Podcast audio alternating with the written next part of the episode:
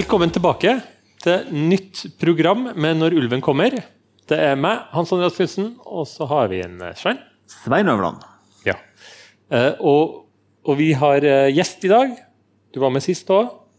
Nicolai Kahn. Mm. Hei. Kan du ta, ta oss fort gjennom hvem er du og hvor er du fra? Ja, jeg heter Nicolay Kahn, er psykologspesialist. da, Og jobber på St. Olav her i Trondheim som eh, eller i noe som heter Enhet for psykisk helse i somatikken. Altså så gjør sånn psykiatriske vurderinger og har samtaler da, med pasienter som er innlagt eh, på sykehuset for en fysisk problemstilling. typisk da. Og så har du også noen erfaringer med eh, bipolar, som er tema i kveld. Ja. Det har jeg. Jeg jobba en del år på det her eh, bipolarteamet, eller bipolarklinikken på Østmarka. Som da er en sånn utrednings- og behandlingspoliklinikk, en sånn tredjelinjetjeneste som det heter. da, Som også driver med forskning og fagutvikling da, for bipolare pasienter. da, Og driver også mye undervisning eh, også for, eh, for denne pasientgruppa, og utadretta virksomhet mot spesialisthelsetjenesten. Hva, altså, sånn som du kjenner bipolar, hva, hva er det? Ja. Eh, definisjonen av det i sånn klinisk forstand er jo at du har minst to episoder i løpet av livet. da, Derav én skal være depresjon, og én skal være enten en mani eller vi kaller det en hypomani. da, med En sånn oppstemt fase av livet ditt. Ofte så De pasientene vi møter, er jo, har jo hatt mange flere episoder enn det. da, men, men det er definisjonen av det. Så er det jo selvfølgelig sånn Vi har jo ikke noe eh, blodprøve eller noe hjerneskann vi kan ta for å sjekke om folk har en bipolar lidelse. og Vi har jo fortsatt ikke sånn at vi kan eh, ta en gentest heller.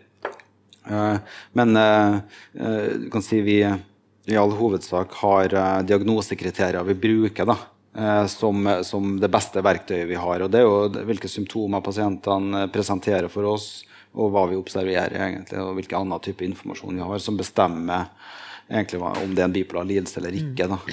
Men sånn kriteriene er egentlig ganske enkle. Å ha minst to episoder av livet. Eh, hvorav en skal være depresjon, eller, og en skal være en sånn oppstemt episode. Ja. Ja. For, før så het det manisk depressiv, Ja, men det har man gått bort ifra nå. Ja, man har det, og det er jo eh, eh, du kan si, det, det her, sånn Psykiatriske diagnoser er jo egentlig sånn historisk sett nye, eh, nye fenomener, eller i hvert fall nye beskrivelser. Måten å beskrive det på. Bipolar lidelse har nok funtes før vi begynte å beskrive det. Eh, men, men man kalte det manisk depressiv, for det var det best kjente. Altså det måtte ha veldig sånn klare, oppstemte faser der man er eh, kanskje psykotisk og eh, sånn grandios og tenker at man er på en måte eh, noe større enn man egentlig er. da, Og har de her tunge depresjonene. Så har man etter hvert som eh, årene har gått, eh, også klart innført det vi kaller en sånn typeklassifisering. Så du har det som man kalt manisk depressiv før, er da type 1 bipolar, og så har du type 2 bipolar, som ikke har like kraftige oppstemte episoder. Man har kun det vi kaller hypomani, men aldri har hatt en mani. da. Det er jo det jeg opplever. altså Bipolar lidelse og ADHD. Ja. Det er jo de diagnosene som folk som er skeptiske til psykiatri, eller at folk eh, stadig sykeliggjør normalfenomen, er veldig opptatt av. For de sier at man må jo få lov å være oppstemt en periode eller to i løpet av livet sitt uten å få en diagnose. Absolutt. Eh, Kjenner du igjen i den kritikken, eller er er det mer sånn at folk heller ønsker å få en diagnose for å forklare problemer de har, har, har fått? Eller møter du begge deler? Ja, Du møter jo begge deler. Men jeg, jeg, tror, eh, jeg tror de som kommer på bipolarklinikken, da, det er jo en frivillig behandlings- eller utredningsenhet, de har nok en, eh, en større motivasjon da, for å få diagnosen, eller i hvert fall få sjekka ut har jeg diagnosen. Så de fleste som eh, kommer, har en åpen holdning til det, men de ønsker å få det sjekka ut, for de er bekymra for seg sjøl eller plages veldig av det. da. Eh, De kommer gjerne når det begynner å få noen konsekvenser for dem. sånn. Mm. Så har det noen kanskje som blir litt sånn sendt til oss som eh, er oppfordra til det, som egentlig ikke har lyst. Altså. Så det er veldig mye motstand. og Det handler jo veldig mye om skam og det handler om frykt for å få diagnosen, men også sånn som du er inne på, uh, kanskje en mer sånn uh, moralsk, etisk, filosofisk holdning til hvordan det å i hele tatt bli vurdert. da. Mm. og det skjønner jeg jo veldig godt. Altså det at, eh, vi er jo ikke ute etter å medisinere bort lykke. Nei. Eh, eller at folk skal ha euforiske dager eller få lov til å være litt impulsiv og ukritisk. For det, da begynner vi å gå inn av moralisme igjen. Da. Og der er jo kanskje sånn, Det er jo den generelle overordna paraplyen på psykiatrikritikk er jo paternalisme. og alt det der, Men, men det, er jo ingen, det er jo ingen som er hypoman som er så fryktelig lykkelig, egentlig. sant? Altså, Og så kanskje passe seg på sin plass her, for vi har jo hatt mange programmer om forskjellige eh, psykiske lidelser. Men liksom, grunnvilkårene for enhver psykisk lidelse er at det medfører subjektiv Ja. ubehag, og, og, og at du fungerer dårlig, rett og slett. Slik at hvis du har det bra i livet ditt, og du funker i kjærlighet og jobb, så er jo det ingen som har behov for å sette en diagnose. Men hvis du på en måte pga. disse her svingningene her på en måte har det fælt, eller eh, kommer borti trøbbel, det er kanskje da man drar frem diagnoseskuffen. Ja, ja, det er jo hvis du opplever plager sjøl eller, eller plager andre. Ja. Så, så hva er den liksom, vanligste plagene folk får av det? da? Nei, det, det som folk vanligvis søker hjelp for selv da, um, i en sånn poliklinisk situasjon uten å være innlagt, det er jo depresjoner. Det er Ja. det folk søker hjelp for. Altså, det er veldig sjelden at folk går til fastlegen sin og tror at nå tror jeg er hypoman. Eh, Så det er depresjonene som er For det, det er jo mange som kunne tenke seg å være overoptimistisk, men det er vel ingen som er så glad i å være deprimert. Nei, det, det er kanskje på film og i musikk Ja, ja, kunstens verden, men i virkeligheten Kjærlighetssorg er noen som dyrker, men depresjon er noe annet. Ja, det er det. altså. Så det er det folk eh, kommer til. Og det er gjerne etter gjentagende depresjoner det som påvirker liv, livsløpet til menneskene her. De blir sliten, kanskje. Ja, ikke bare sliten, men eh, de detter ut av jobb eller skole. da. Ja, så Vi fikk jo mange sånn universitetsskolealder som nettopp har flytta hjemmefra, og sånt som eh, begynte å få plager da, for det strukturer opphører litt. og Ja. ja. Ja, for det kan være at folk ser på og tenker, altså, og blir litt sånn nysgjerrig på liksom, Kanskje mange tenker å shit, jo, men jeg er jo litt glad innimellom, og jeg er jo litt trist innimellom. Ja. Men hvordan eh, Jeg blir jo f.eks. Nå kommer jo våren, og liksom, da blir jo jeg litt sånn eh, jeg har mye ekstra energi og mye ekstra gode ideer. Ja. på en måte Uten nødvendigvis kanskje å være manisk av den grunn. Hvor Er det noen spesielle spørsmål dere stiller, eller er det noe Ja, altså vi, Det er jo igjen de kriteriene. Altså det, det her er jo noe Vi snakker ganske mye med pasientene våre. For det som En av konsekvensene av å få denne diagnosen er jo også at eh, mange av dem blir, og ikke bare pasientene, men også omgivelsene og pårørende, blir veldig usikre på pasientene. Er de bare glad nå, eller er de oppstemt? på en måte? Og Det er jo veldig trist hvis du skal, hele tiden skal vurderes når du bare har det bra. Så det vi trener dem opp, egentlig, det er jo å kjenne diagnosekriteriene. Så en hypoman episode, fire dager med vedvarende forhøya stemningsleie, mer enn det som er vanlig for deg. Gjerne forstyrra med at du har sånn psykomotorisk høyt tempo, Det vil Si at du er sånn urolig. Følelse av uro, agitasjon eller litt sånn Snakker fort, så ja, så, sånn som jeg gjør nå. Eh, men at hendene dine går hele tida, eller at du er rastløs. sant? Mm. eh, og så er det det med at folk har gjerne et veldig sånn redusert søvnbehov. da. Det ser vi veldig tydelig i de her pasientene, at de trenger ikke like mye søvn i forhold til det som er vanlig for dem. Ikke i forhold til det som er vanlig for andre, men vanlig for dem. Så vi gjør sånn stemningskartlegging for de her pasientene der de, eh, når de nettopp har fått diagnosen, blant annet, kan bruke noen, eh, et lite år da, på å kartlegge humøret sitt rett og slett, og litt ulike ting. da, Der du ser litt tydeligere eh, om eh, hva som er i ferd med å skje. fordi at folk er jo ikke så gode, min erfaring, til å merke at de er på vei opp. da. Ganske god på å merke at du er på vei ned, for det er plagsomt. og sånn som du sier også, at det, det er jo det folk liksom ikke vil ha. Mm. Mm. Um, så det merker man ganske kjapt. Men, men hypomani det har jeg jo i hvert fall vært med ganske ofte i, i timer og eh, påpekt for pasientene at nå syns jeg kanskje det går litt fort. da. Ja. Jeg må få lov å snakke ferdig setningene mine på en måte, før vi tar neste tema. Så um, Det kan man jo på en måte flire litt av. Hypomane episoder det er jo uh, de her mildere oppstemte, det er jo typisk for de her bipolar type 2. Men bipolar type 1 har det jo også som for, forløper ofte til en uh, mer alvorlig episode. da. Mm. Det er litt ulike behandlingsstrategier og tilnærminger, men, men, men det det er like diagnosekriterier for det. Så vi lærer egentlig pasientene opp i det, og gjerne pårørende også, som kan si hallo, nå, nå må vi sette i gang noen tiltak. Eh, ganske mange har ingen tiltak mot hypomane episoder, for det er i seg sjøl ikke så veldig farlig. Det kan være litt irriterende, eh, men man får gjort mer, og det kan være veldig sånn positivt for noen òg. Eh, problemet med hypomane episoder er jo ofte at det følger depresjoner i, i kjølvannet. Så det kan være at man ikke skal egentlig sånn eh, på sånn grunnivå da, at det egentlig ikke er så stor forskjell biologisk. Eh, og at man må se på det som noe mer enn bare det å ha det bra og ha det dårlig, men at det henger sammen med sykdomsutvikling. egentlig da. Jo, altså De bipolare som jeg har møtt En ting er nå at de har det bra og lever livets glade dager. Men en annen ting er jo det at det er noe sånn mangel Jeg har møtt noen som har hatt en veldig mangel på konsekvenstenking, og noen som har eh, tatt opp noen enorme lån. ikke sant? Ja. Eh, fordi at de fikk en fiks idé om eh, noe de skulle bruke pengene på, eller noen som har gått inn i noen relasjon, relasjoner de virkelig ikke burde ha gjort, fordi at de tenkte det at verden er jo så rosenrød og alt er så fint. Eller seksuelle mm. ting. Ikke sant? Så, så når da plutselig de, de er på veien igjen, og så begynner det å gå opp for dem hva er det egentlig jeg har vært med på nå, hva har jeg utsatt meg for, og så sitter de med konsekvensene, da. F.eks. om det er stor gjeld da, eller et eller annet. ikke sant? Um, sånn at, sånn at eh, Men der og da så opplever de jo bare verden som eh, i sin hule hånd. Du kan si du har litt sånn uh, forskjellige varianter. For når vi begynner å snakke om funksjonssvikt og ting som påvirker livet ditt veldig markant i etterkant, og der du får en veldig sånn tydelig negativ konsekvens av det der opp, oppstemte, da. Det, da er vi inne i manigata. så da er vi på bipolar type 1. Mm. du- for du trenger ikke å være psykotisk og helt, eh, helt av, men altså det er nok at du eh, Vi kaller det en mani, i hvert fall når, når folk har eh, en markant funksjonssvikt som følge av det. vil Si at du ikke klarer å passe liksom, dine vanlige oppgaver. Eh, Jeg, ser for meg liksom, Vi snakker om funksjoner, men det kan jo være at manien faktisk hjelper, gir deg funksjoner. Hvis du er, nå vet ikke jeg da, men hvis vi sier at det er en eh, fyr da, som skrur på de der, uh, toppene på, krem, der, på tannkremtubene, og han er bare blodmanisk, så kan det hende at han bare skrur på tre ganger så mange topper. og Ja, Det som ofte er jo at de har veldig dårlig utholdenhet da, og oh, ja. dårlig kon konsentrasjonsevne. og sånn at Det er jo ikke så veldig eh, ofte at det blir så mye produktivitet som er nyttig. da.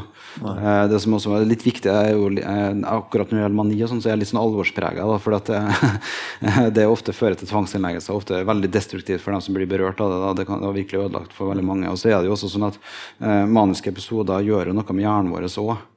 Vi ser jo at antallet maniske episoder er ganske nær sammenheng med kognitiv svikt senere i livet, og at du får en sånn redusert eh, eh, innlæringsevne og hukommelse, og mange detter ut av funksjoner av arbeidslivet som følge av det. Altså det vi ser eh, hos mennesker med, Hvis du sammenligner schizofreni og bipolar lidelser, som er på en måte de to alvorlige psykiske lidelsene vi typisk jobber med, da, så eh, ser du at schizofrene, med, veldig generelt sagt, da, har funksjonssvikten tidligere i livet. Sånn at de kommer egentlig aldri helt i gang med voksenlivet og vil trenge hjelp fra veldig tidlig. og Du vil ofte se symptomene veldig tidlig. Så Mennesker med bipolar lidelse har ofte en god funksjon, de fungerer kjempegodt i livet, og så har de perioder der ting ikke er helt sånn optimalt.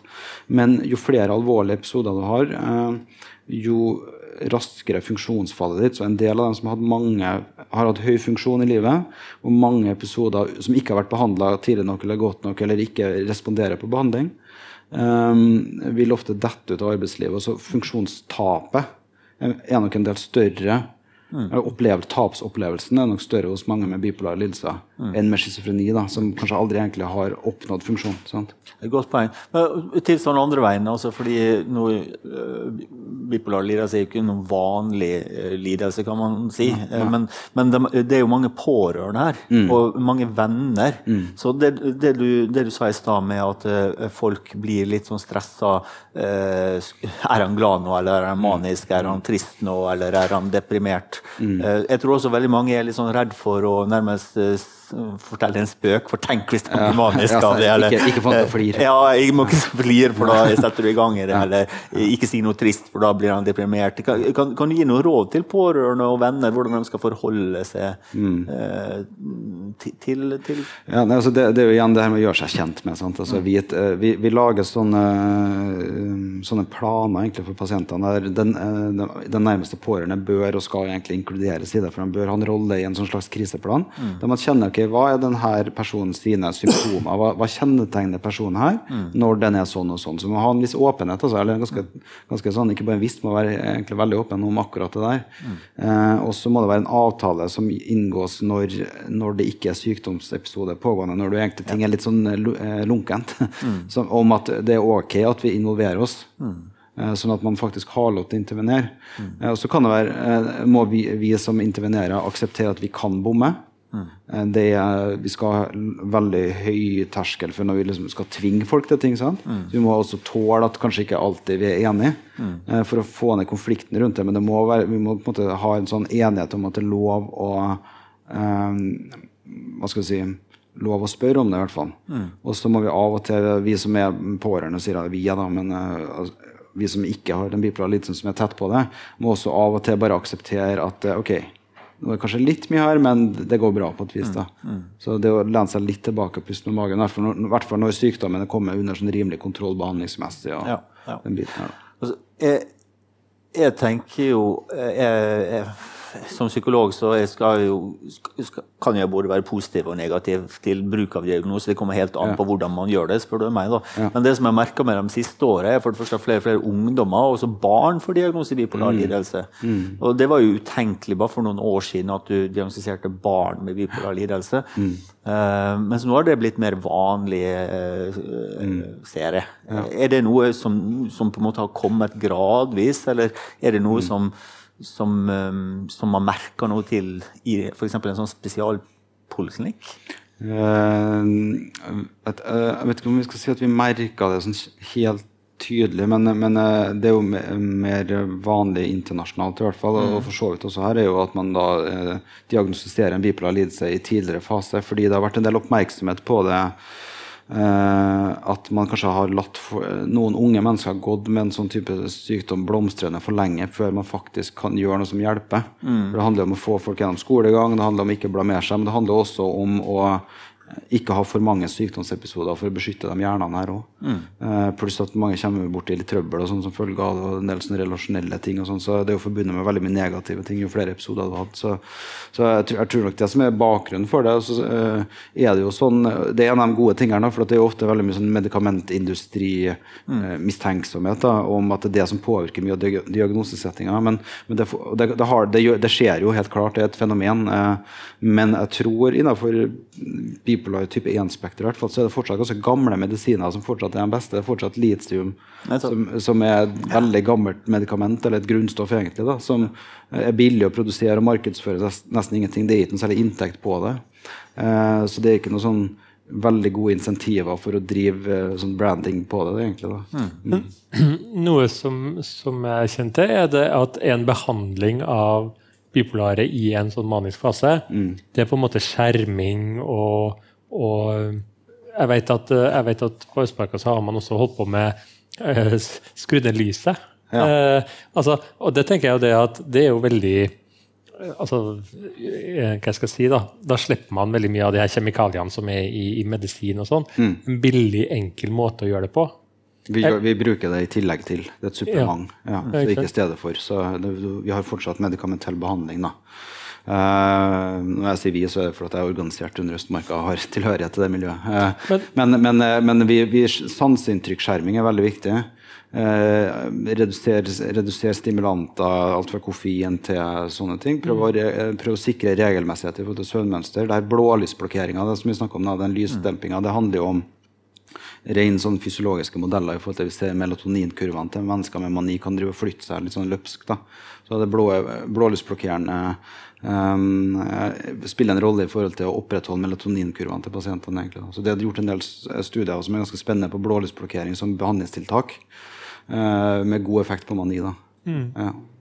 Men jeg, jeg, var fiska litt etter eh, eh, hva, hva, hva kan man gjøre Ja, hjemme. ok. på en måte. Altså, fordi hvis, man er, hvis man har en partner da, som man har en god kommunikasjon med, og så, videre, Ja. og så lager man at, at når, du, når, når det er åpenbart at du har det sånn og sånn, Mm. Kan ikke vi da bare være litt mer hjemme? Kan ikke vi skru av TV-en? Kan ikke vi, kan, skal vi sitte og lese? Ja, det er, veldig, det er egentlig veldig konkret. det er Der igjen litt sånn forskjell fra person til person. Men det generelle hovedtemaet er jo å, å redusere. egentlig Gjøre litt det motsatte av det du har lyst til. Gjøre det tidligst mulig. For har det gått for langt, så, så det er vanskelig å bruke de tiltakene. Så du må gjøre det når du begynner å merke eksempel at søvnen begynner å endre seg, eller at du får litt mer sånn virketrang, eller du får lyst til å investere masse penger plutselig, eller litt mer sånn eh, begynner å kle deg litt annerledes. En eller annen, det kan være mange ting. At, du, at du da f.eks. har noe alternativ medisin som du har eh, i planen som du bruker en liten periode. Det, det har mange gode effekter. Eh, som kan hjelpe litt med å sove og dempe litt, egentlig. Kanskje man skal legge inn hviletid. Jeg er veldig fan av stimulusdemping i løpet av dagen. så Litt mindre stress og sånn, og at man kanskje har litt sånn stillhet. Noise cancelling, headphones, sånne ting som bare gir deg liksom sanse, sansero. da. Men jeg vet at det til og med finnes sånne solbriller som har noe som blokkerer for noen bestemte mm. blålyslys. er mm. blålyslys. Eh, som, som kanskje kan være ålreit. Og det er jo en veldig praktisk eh, Ja, man kan kjøpe ting. sånne briller som blokkerer blålys. Det kan man bruke. da. Noen har jo også sånn veldig klart sesongsvingningsmønster, at man kanskje bør bruke det etter klokka seks om kvelden når det er veldig mye blått lys ute, sånn som nå, egentlig. Ja, Ja. det er ikke Spennende. Mm. Er, det noe annet, er det noe vi ikke har snakka om nå, i forhold til det her med bipolar, som er litt viktig at folk Jeg tenker jo Det vi ikke har snakka om, er jo eh, depresjon og selvmord. da. Ja. Det er jo en eh, veldig høy selvmordsfare hos uh, pasientgruppa sammenligna med folk som ikke har bipolar lidelse. Um, og eh, det er også en høy uh, depresjonsforekomst. da. Det er jo ofte det som på en måte overtar forløpet mer og mer hos folk, er jo depresjonene, dessverre. da. Så der er det jo viktig å vite at eh, eh, i, I eh, bipolar type 2 da, så ser vi veldig ofte at kanskje ikke så lange depresjoner, men vi ser ofte hyppigere depresjoner.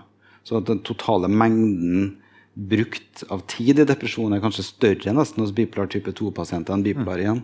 Bipolar 1-pasienter de har mye mer sånn klassiske separat, eller si, veldig tydelige svingninger som typisk. da. Det er at De har klassisk depresjon som varer et halvår i snitt, da, og så har de en mani som kan vare tre måneder, og så kan det gå flere år mellom episodene. Mens type 2 bipolar er ofte mye mer sånn hele tiden noe symptombilde, og så har du noen sånne litt tydeligere episoder. Da, men at de merker nok sykdommen oftere og tydeligere enn bipolar type 1. Altså, det, det er litt viktig å si noe om at akkurat på depresjoner så er det jo eh, det, det vi vet, er at antidepressiva kanskje ikke virker på samme måte. Det kan til og med forverre det for enkelte. Eh, Det har en rolle i det. Det må man ha en tett oppfølging med, med legen sin som skriver det ut, eller behandleren. da. Eh, men at det er kanskje mer sånn stemningsstabiliserende medisiner man står på i bunnen, og så legger man inn en del sånn fysisk aktivitetstilbud, at man har regelmessighet. Og det er jo det som er generelle overordna atferdsrådet, som faktisk fungerer veldig godt. da. Det er jo å prøve å ha mest mulig regelmessighet i livet sitt, som er litt sånn kjedelig råd, men som jeg tror er veldig viktig for pasientgruppa her. Vi vet at ferietid og oppbruddstid er ofte ting som kan være med på å utløse episoder. Da. Så det å ha en litt sånn strengt regulert livsstil der man beklager å si det, men jeg er veldig forsiktig med alkohol. Eh, sorry. Eh, det, er- det, det er noe vi anbefaler veldig tydelig. Og jeg er ikke noe sånn avholdsmenneske, eller noe sånt, altså, men jeg anbefaler det vi mener er best for helsa til folk. Og det er en av de tingene vi vet. Da. Det er sånn regelmessig liv der du har, har på en måte eh, stabilt innhold, eh, og så er jeg veldig forsiktig med alkohol. Det kommer du ganske langt med. Sånn uansett, tenker jeg. Bare sånn, eh, I forhold til det med selvmord, Ja. for det er jo et stort, stort Ja. tema. da. Ja. Men sånn som jeg forstår det, så har jo ofte det med ytterst selvmordsfaren også med at folk rett og slett har disse svingningene, de blir syke. Og så Mm. tenkte jeg håper det er siste gangen nå, fordi det er så vanskelig å komme gjennom det. Og du utsetter dine nærmeste for kanskje Mm. belastninger, og så skjer det på nytt og så på nytt, og så tenker du er det sånn livet skal være fucking heller? Liksom? Ja, Og, og, men da tenker jeg kanskje at fokuset nettopp skal være på å så en pårørende, da, eh, både som, som støtte når ting er vanskelig, men også som skal jeg si, folk som kan hjelpe deg inn i det regelmessige ja. livet. Ja. Og egentlig det du sier at det beste du kan gjøre, er jo rett og slett motta god behandling. Fordi da blir ikke skadene og disse der knekkene så, så, så store. Det er sånn jeg vil tenke, da, men det, det er jo lett for meg å si, da, for jeg er jo ikke bipolar. Nei, nei, men jeg tror du har rett i det at jo, jo, jo lengre det kommer sykdomsforløpet, hvis du har dårligere behandlingsrespons, da, så øker det jo selvmordsfaren litt, fordi at du får mer og mer håpløshetsfølelse. Og sånt. Men da, da er vi inne i en sånn tankegang om at den, eh, nå, nå snakker vi på en måte hva er selvmordsprosessen egentlig, da, men altså, da, da er vi inne i at det er en sånn rasjonell tankegang, sant? at det er en logikk i det. For veldig mange er det jo ikke det. Det er jo impulsive avgjørelser i en veldig akutt sykdomsfase der de Ja. bare får sånn innfall. Altså. Vi vet jo at selvmordsfaren er veldig høy i, en manisk fase òg. Ja. Jeg, jeg jobber jo på, i somatikken og snakker med mange som har overlevd selvmordsforsøk. og Det, det er jo veldig mange som angrer i det liksom, handlingen utføres, fordi det er så impulsivt. rett og slett. Da. Så jeg, tror- jeg tror liksom den forståelsen og måten vi snakker om selvmord i samfunnet på, eh, skal vi være litt sånn forsiktige med å tenke på at det er så fryktelig planlagt, og, Ja, ja. og at det er en sånn logisk prosess. Jeg tror nok det er like mye eh, Det vi gjør i klinikk, er at du spør om selvmordstanker, har du planer, sånt, men det, vi vet jo at det, liksom, det der kan du snu på 15 Ja. minutter. Sant? Så, så um, eh, akkurat på bipolare så ser vi nok at det er mye agitasjon som vi er opptatt av, og sånn plutselig uro altså når de har det som verst. da. Ja, jeg tenker, ja, det syns jeg er spennende. Så jeg, jeg tenker Det der kunne jeg tenkt meg å ha et eget program om. Det der med selvmord og, og sånne ting. For det er jo noe, noe en del har opplevd. eh, i nærmiljøet osv. tenker kanskje vi skal også ha et program om fordelen med et kjedelig og regelmessig liv. Ja. Undervurdert, høres det ut som. Ja, Vi, vi begynte, De to første programmene i denne serien handla om, først om, om eh, hva er normalt og hva er unormalt. Og, og hvordan, hvilke beskyttende faktorer har man i, i sitt liv. Hva kan man gjøre for å hindre at man blir syk? Så vi, vi starta der. Kanskje vi skal slutte der òg. Ja. Men jeg ser klokka går. Eh, vi må begynne å runde av.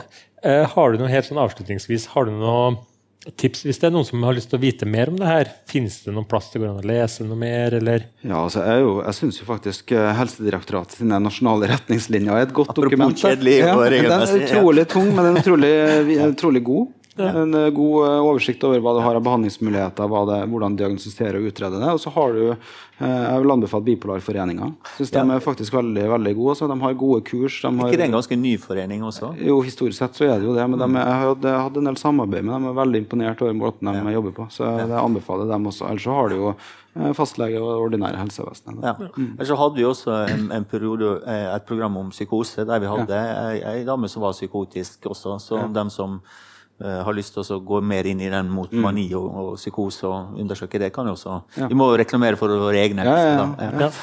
Begynner å få så mange episoder nå. ja, ja, ja. Kartotek. Perfekt. Um, flotters. Ja, men da uh, går vi mot slutten. Eh, vi har jo eh, ei Facebook-side uh, hvor vi legger ut eh, kommende arrangement. Vi legger også ut uh, den her eh, filene til podkasten vår. Eh, der tar vi eh, det vi har snakka om i dag, så legger vi lyden inn på podkasten. Går det an å høre det som en egen episode? Um, flott. Og så uh, får vi se. Kanskje det blir selvmord neste gang. Kanskje vi finner et annet tema. Husk det at dere hjemme kan f- bestemme hvilke temaer vi skal snakke om. Eh, så har dere noe dere ønsker at vi skal ta opp, skri, send oss en melding eller skriv inn på Facebook-sida vår. Så kan det godt være at det blir tema senere. Det var det jeg skulle si. Ja. Takk for at dere så på. Ha det bra.